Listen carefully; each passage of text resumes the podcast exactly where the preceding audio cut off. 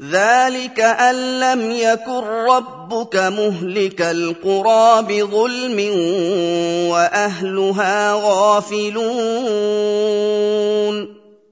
Alasan-alasan yang diwujudkan dalam bentuk mengutus para rasul kepada manusia dan jin itu dimaksudkan supaya tidak ada seorang pun yang dihukum atas perbuatannya, sementara belum ada rasul yang diutus kepadanya, dan belum ada dakwah yang sampai kepadanya. karena kami tidak akan menjatuhkan hukuman kepada umat mana pun, kecuali kami telah mengutus para rasul kepada mereka.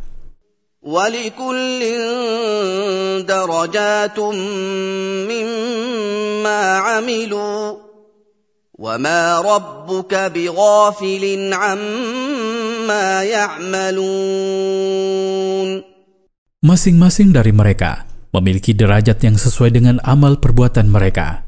Maka tidak sama antara orang yang banyak keburukannya dengan orang yang sedikit keburukannya.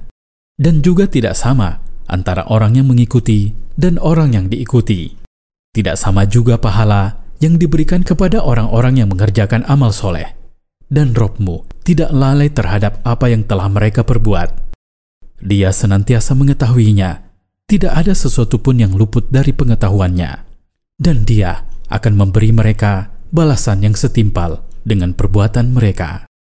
وربك الغني ذو الرحمه إن يشأ يذهبكم ويستخلف من بعدكم ما يشاء ويستخلف من بعدكم ما يشاء كما أنشأكم من ذرية قوم آخرين Dan Robmu, wahai Rasul, adalah Rob yang maha kaya terhadap hamba-hambanya. Dia sama sekali tidak membutuhkan bantuan mereka. Bahkan dia tidak membutuhkan ibadah mereka. Dan dia sama sekali tidak dirugikan oleh kekafiran mereka.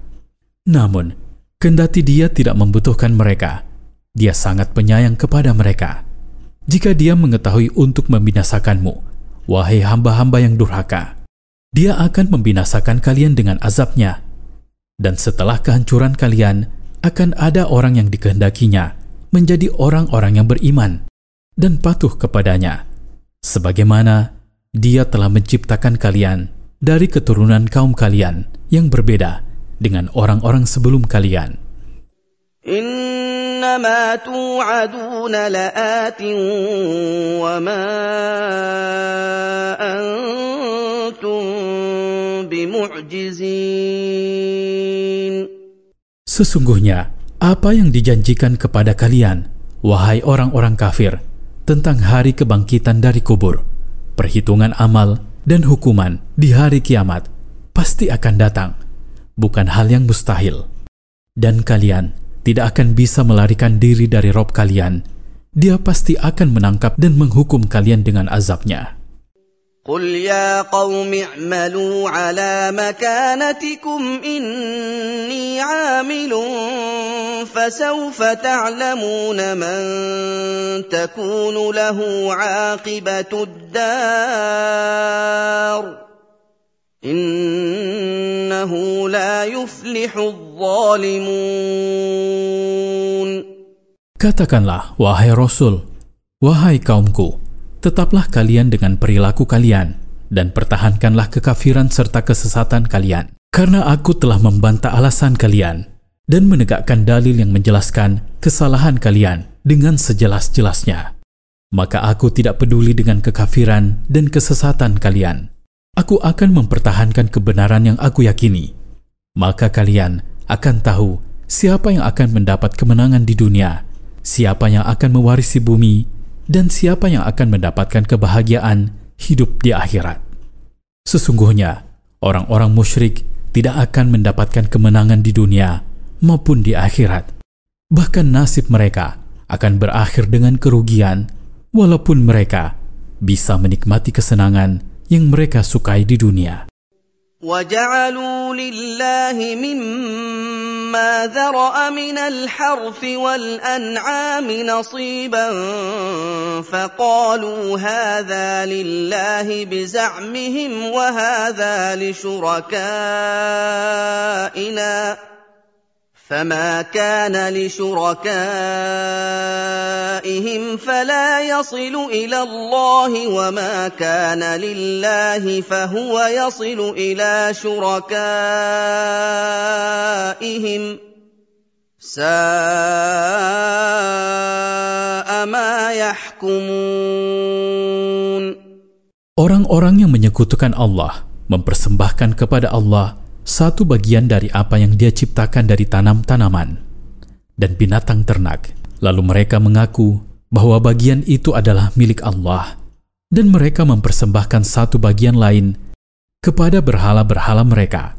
Lalu mereka mengaku bahwa bagian yang mereka peruntukkan bagi berhala-berhala mereka tidak akan sampai kepada orang-orang yang ditetapkan oleh Allah sebagai penerima zakat, seperti orang-orang fakir dan orang-orang miskin. Tetapi bagian yang mereka peruntukkan bagi Allah akan sampai kepada berhala-berhala mereka dan akan dipergunakan untuk kepentingan berhala-berhala itu. Sungguh buruk keputusan dan pembagian yang mereka buat. وكذلك زين لكثير من المشركين قتل أولادهم شركاؤهم ليردوهم وليلبسوا عليهم دينهم ولو شاء الله ما فعلوه فذرهم وما يفترون. Di samping membuat orang-orang musyrik memandang baik keputusan yang tidak adil tersebut, setan juga membuat banyak orang-orang musyrik memandang baik perbuatan mereka yang membunuh anak-anak mereka karena takut miskin.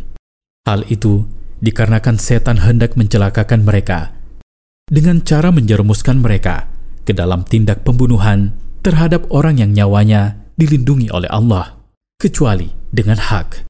Dan setan juga hendak merusak pemahaman agama mereka hingga mereka tidak mengetahui apa yang dibenarkan oleh syariat dan apa yang tidak. Sekiranya Allah menghendaki mereka tidak melakukan hal itu, pasti mereka tidak akan melakukannya. Akan tetapi, Allah menghendaki hal itu terjadi karena ada hikmah yang sangat penting. Maka biarkanlah wahai Rasul, orang-orang musyrik itu dengan kebohongan yang mereka buat atas nama Allah karena hal itu sama sekali tidak merugikanmu, dan serahkanlah urusan mereka kepada Allah. Faidah dari ayat-ayat di atas. Pertama, perbedaan derajat manusia dalam melakukan ketaatan dan kemaksiatan. Ini berarti mereka juga berbeda-beda dalam derajat pahala dan hukuman. Kedua, Allah mencela orang-orang musyrik dengan tujuh sifat: kerugian, kebodohan, tidak berilmu, mengharamkan rizki yang Allah berikan kepada mereka, berdusta atas nama Allah, kesesatan, dan tidak mendapatkan petunjuk. Masing-masing dari tujuh sifat ini merupakan sebab yang sempurna untuk mengundang celaan.